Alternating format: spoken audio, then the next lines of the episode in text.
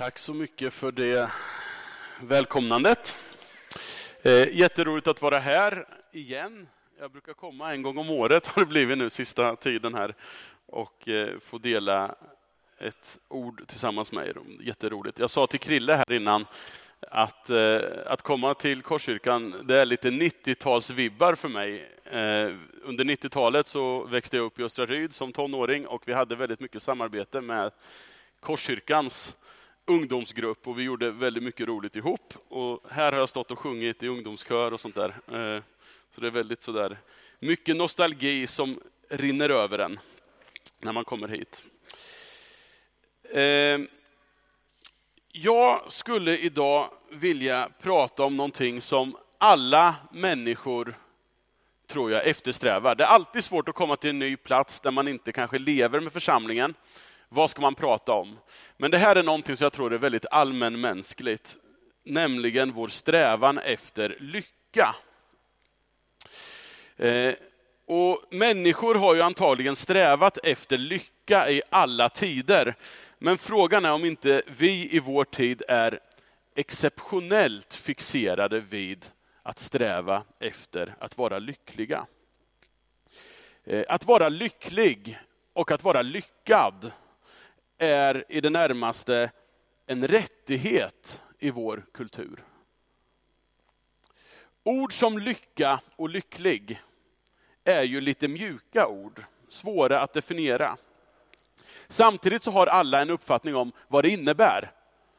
Om jag säger att jag är lycklig, då vet ni vad jag menar. Tror ni i alla fall. För ni har liksom en känsla för vad det, vad det, vad det betyder. Eh, men faktum är att i Svenska Akademins ordlista så definieras inte det här ordet lycka överhuvudtaget. Men på Wikipedia så beskrivs lycka som en känsla av varaktigt välbehag. En känsla av varaktigt välbehag. Så att lycka är någonting som är djupare än en tillfällig känsla av glädje eller gott humör. Du kan vara, du kan vara glad en dag utan att vara lycklig, för lycklig är mycket djupare. Du kan vara ledsen en dag och ändå vara lycklig. Därför att lycka har mer med eh, över tid att göra. Eh, men trots svårigheten att definiera vad lycka är, så har, har under de senaste decennierna någonting som kallas för lyckoforskning växt fram. Där man på olika sätt mäter hur lyckliga vi är. Och, åh, text-tv, visst är det bra med text-tv? Jag är en av få tror jag, som använder text-tv fortfarande. Jag är beroende av det. Eh, och på text-tv i fredags så kunde man läsa om en, en ny rapport som har kommit, som visar att Sverige är den åttonde lyckligaste, har den åttonde lyckligaste befolkningen i världen. Då vet vi det. Och enligt den här undersökning, undersökningen så är Schweiz lyckligast. Eh, för två år sedan så kom en liknande sån här undersökning och då låg Panama i topp. Och de finns inte med i topp 10 i den här undersökningen, men Sverige låg på åttonde plats då också.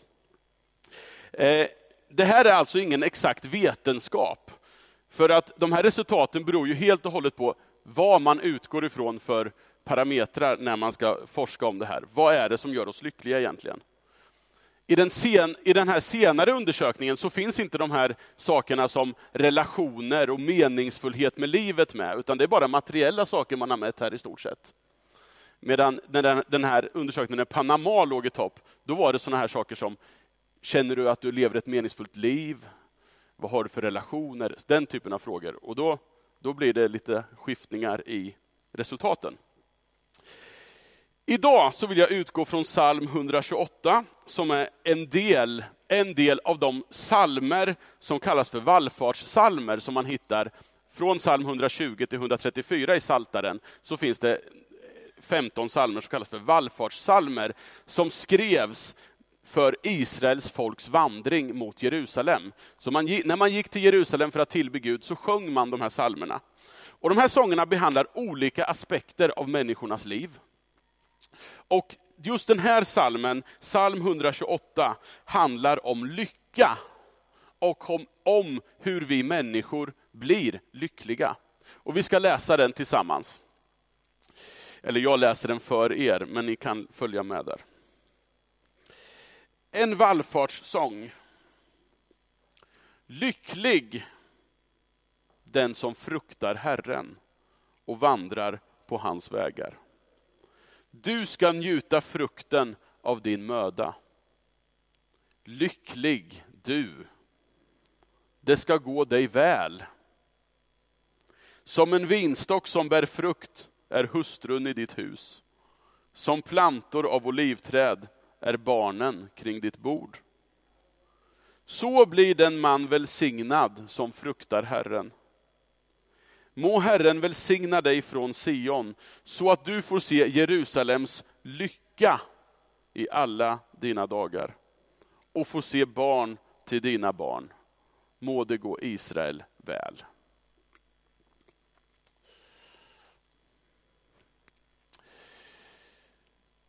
Inom den katolska traditionen så finns det ett talesätt. Lex orandi, lex credendi, lex vivendi. Och det vet ju alla vad det betyder.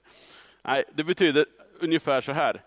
Som jag ber, så tror jag, så lever jag. Vi kan på många sätt säga vad vi tror på och vad vi bekänner oss till. Men om vi verkligen vill ta reda på vad vi innerst inne tror om Gud, om livet, så ska vi titta på hur vi ber. Hur ber vi? Då ser vi också vad vi tror. Och vad vi tror visar sig också sen hur vi lever. Och när jag var liten, då lärde jag mig en bön som jag tror att många av er också har lärt sig. Gud som haver barnen kär, se till mig som liten är. Vart jag mig i världen vänder står min lycka i Guds händer. Lyckan kommer, lyckan går, den Gud älskar, lyckan får. Ni känner igen den. Hur ofta reflekterar vi över vad är det vi ber om egentligen? Det verkar som att målet med livet utifrån den här bönen är just det här. Lyckan. Vi vill bli lyckliga. Så det är inte så konstigt om vi som har växt upp med den här bönen också blir lyckofixerade.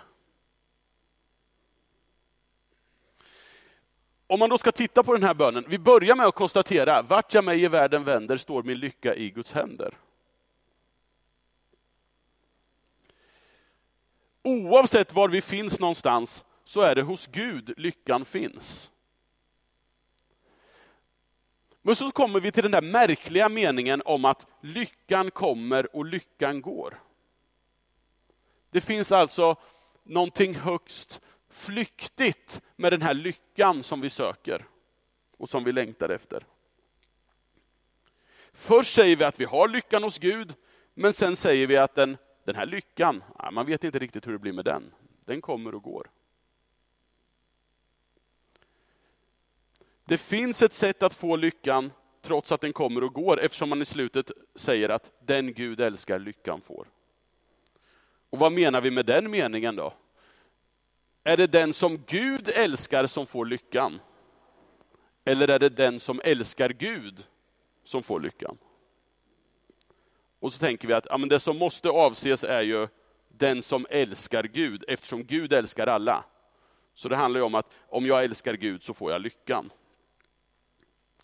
Men i den här klassiska aftonbönen så avspeglas samma tankar som finns i den här salmen. Lycklig den som fruktar Herren och vandrar på hans vägar. Du ska njuta frukten av din möda. Lycklig du, det ska gå dig väl.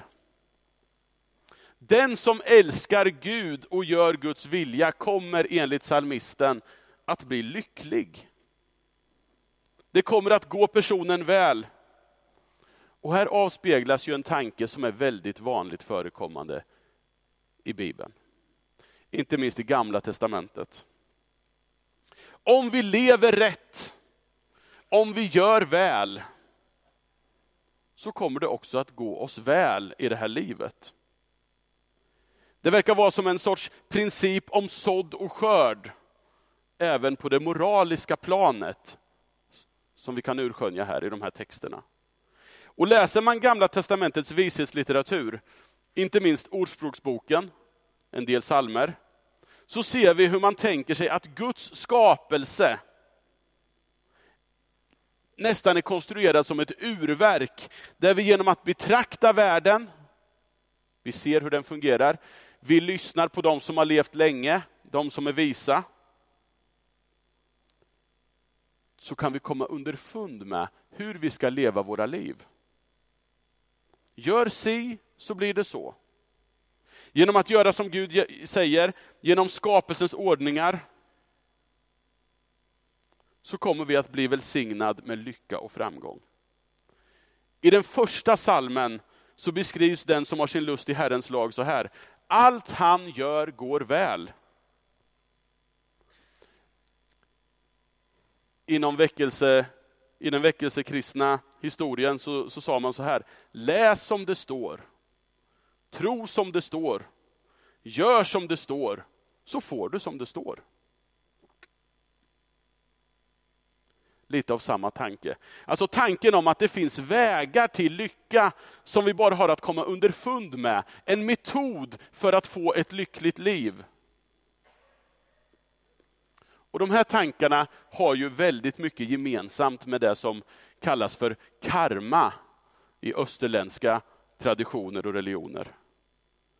Som kort och gott går ut på att man alltid får det man förtjänar i livet. Och de här tankarna tror jag ligger oss närmare till hands än vad vi vill erkänna. Hur sekulariserade vi svenskar än säger oss vara, så tror jag att vi lever lite med den här förklaringsmodellen när det gäller våra liv. Nog är det väl så att vi vill att det välstånd vi har, och de gånger det går väl för oss, visst vill vi att vår lycka på något sätt ska vara vår egen förtjänst. Och tvärtom, vi kan inte stå ut med tanken om att olyckor, sjukdomar, orättvisor, dödsfall faktiskt kan drabba hur som helst, vem som helst och när som helst. Världen kan inte vara så ond att goda människor drabbas. Utan vi måste ha förklaringar på det här. Och då skapar vi den här typen av system. I en annan gammaltestamentlig bok, Jobb, så kan vi läsa om att Jobb drabbas av en massa olyckor. Allt han har slits ifrån honom. Och så kommer hans vänner och ska på något sätt försöka trösta honom i det här. Och de lever helt fullt ut med det här. De måste förklara för Jobb varför det här händer. Du måste ha gjort något fel Jobb. Du måste ha gjort något fel. Men Jobb har liksom drabbats utan förskyllan.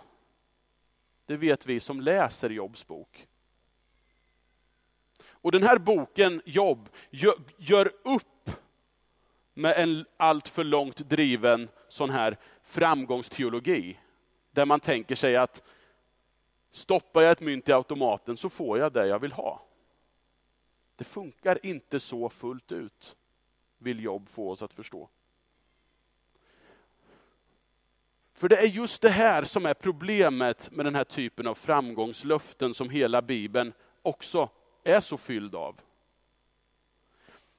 Det finns absolut principer som den här salmen också är ute efter, som ökar sannolikheten för ett gott och lyckligt liv.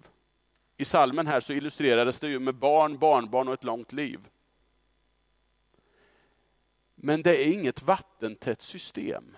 Det är inget vattentätt system så som Jobs vänner vill få det till och som vi människor vill ha det till så att vi kan ha kontroll på tillvaron.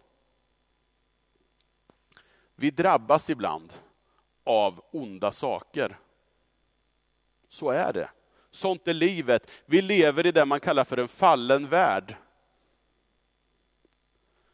Och då är det inte särskilt välgörande när man sitter där, att någon kommer och ska försöka förklara varför. Det blir liksom sten på börda att höra att man brister i vishet och kunskap.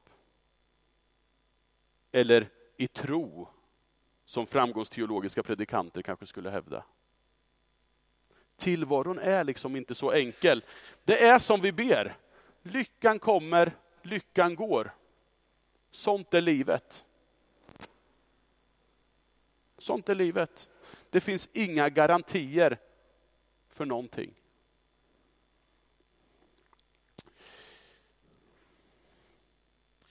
Problemet med den här teologin, där man försöker kontrollera tillvaron genom att förstå den fullt ut.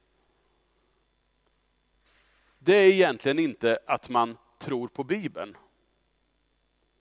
Utan att man är alldeles för sekulariserad.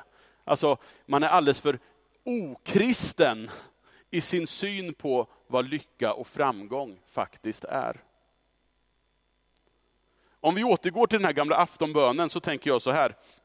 Ordet lycka omnämns fyra gånger.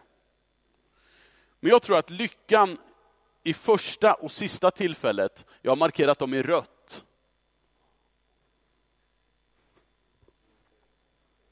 Det är lite svårt att se. Det är en version av lycka. Medan den lycka som omnämns vid tillfälle två och tre, det är en annan version av lycka. Lyckan i Guds händer, lyckan som den Gud älskar får, är att betrakta som en bestående lycka. Medan lyckan som kommer och går, det är en mer flyktig lycka. Men den här bönen, den har rört till det för mig genom mitt liv. För jag har tänkt att lycka och lycka är samma sak. Som jag tror, så ber jag. Men om vi tänker oss att ett liv helt i enlighet med Guds vilja, som beskrivs i salmen här, lycklig den som fruktar Herren och vandrar på hans vägar. Om vi tänker oss att ett sånt liv skulle innebära framgång och lycka i världslig mening, materiell och social status, ett långt liv med barn och barnbarn och så vidare, så måste vi också förneka att den person som vi kallar för frälsare och Gud inte levde ett sådant liv. Den enda person som faktiskt helt och fullt fruktat Herren och vandrat på hans vägar, det är Jesus. Jesus blev korsfäst. Men jag är helt övertygad om att Jesus var en mycket lycklig människa.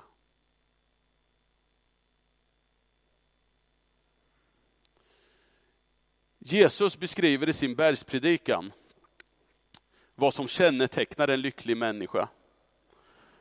Och han använder exakt samma formulering som de här salmerna om att vara lycklig gör. Lycklig är den som. Men så omdefinierar han ganska rejält vem som egentligen är att betrakta som lycklig. Jämfört med hur man kanske tänkte i hans samtid.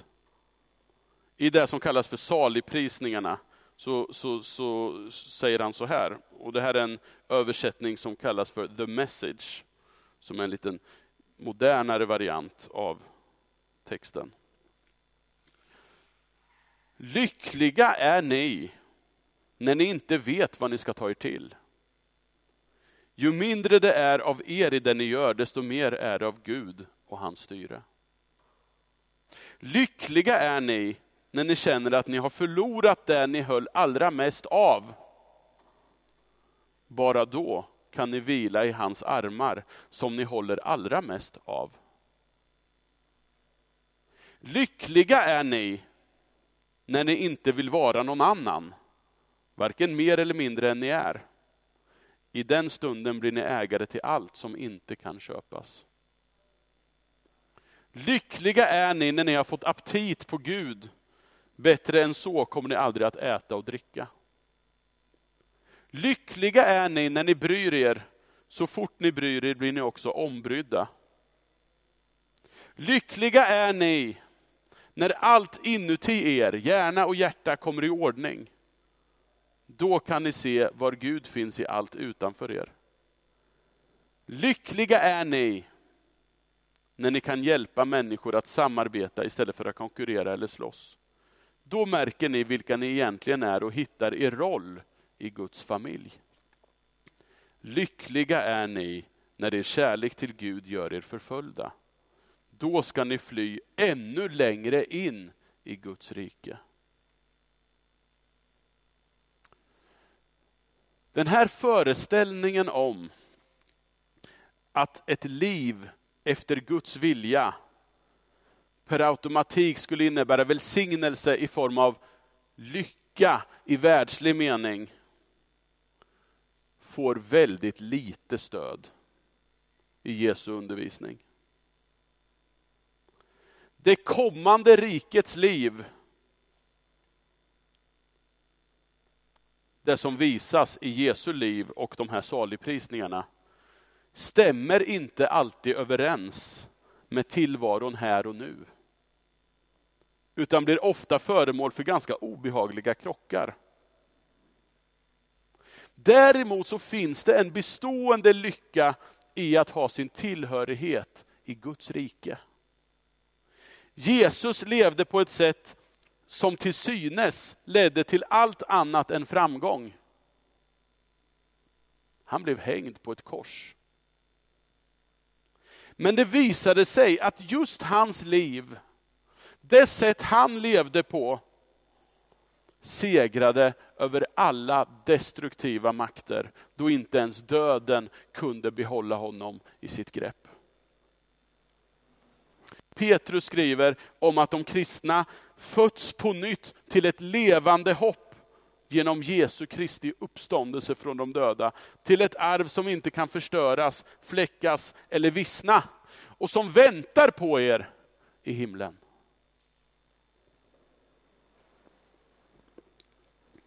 Att vara kristen, det har ingenting med att ha förtur eller bättre förutsättningar för världslig lycka. Precis som för alla människor, den kommer och går. Men att vara kristen handlar om att leva i ljuset av uppståndelsen. Med det här hoppet som redan nu kan få definiera och prägla våra liv och prägla våra prioriteringar. Och den enda källan till en lycka som är bestående, det är den tomma graven som vi nyligen firat påsk för att fira och minnas. Den här salmens löfte om att den som fruktar Herren och vandrar på hans vägar kommer att vara lycklig. Det är sant. Men lyckan bygger inte nödvändigtvis på sådana här saker som nyttoforskningen utgår från. Den bestående lyckan, den lycka som står i Guds händer, det är att Guds rike är verkligt.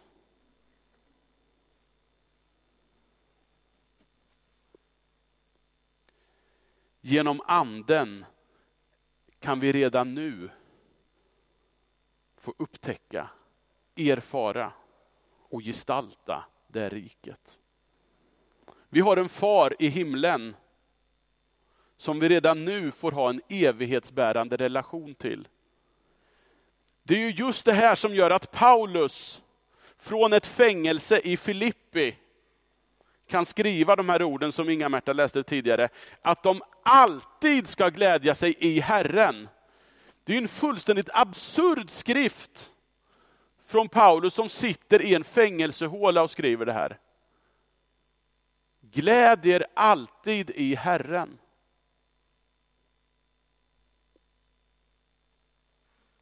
Det måste finnas någonting mer känner man. Ofta byter vi ut meningen den Gud älskar lyckan får, eftersom den är lite tvetydig, mot du förbliver fader vår. Och det är ju just det som definierar den sanna lyckan. Att vi får tillhöra en far i himlen, vi får vara en del i hans familj, i hans hushåll.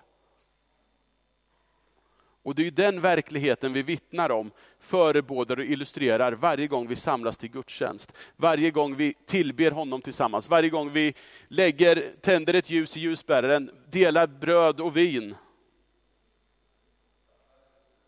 Redan nu får vi glädjas över och smaka på den lycka som aldrig någonsin kan förstöras, fläckas eller vissna.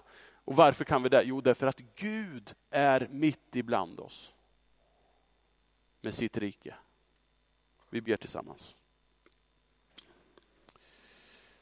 Tack Gud för att du är grunden för all lycka som bär. Tack för att du är den som har räddat oss från alla destruktiva makter. Och tack för att vi i vår relation till dig får ha den sanna lyckan. Och jag vill be dig om att du ska ge oss en hunger efter den lyckan som du är. Du ser alla andra saker som tar vår uppmärksamhet, tar vår koncentration. Hjälp oss att se pärlan i åkern, nämligen ditt rike. Tack för att du ger en lycka som består. Du ser var och en som finns här inne just nu. Du vet vad vi kommer med för olika erfarenheter, olika känslolägen och allt. Tack för att du vill komma in i varje situation med ditt ljus och visa på den lycka som bär genom allt. I Jesu Kristi namn. Amen.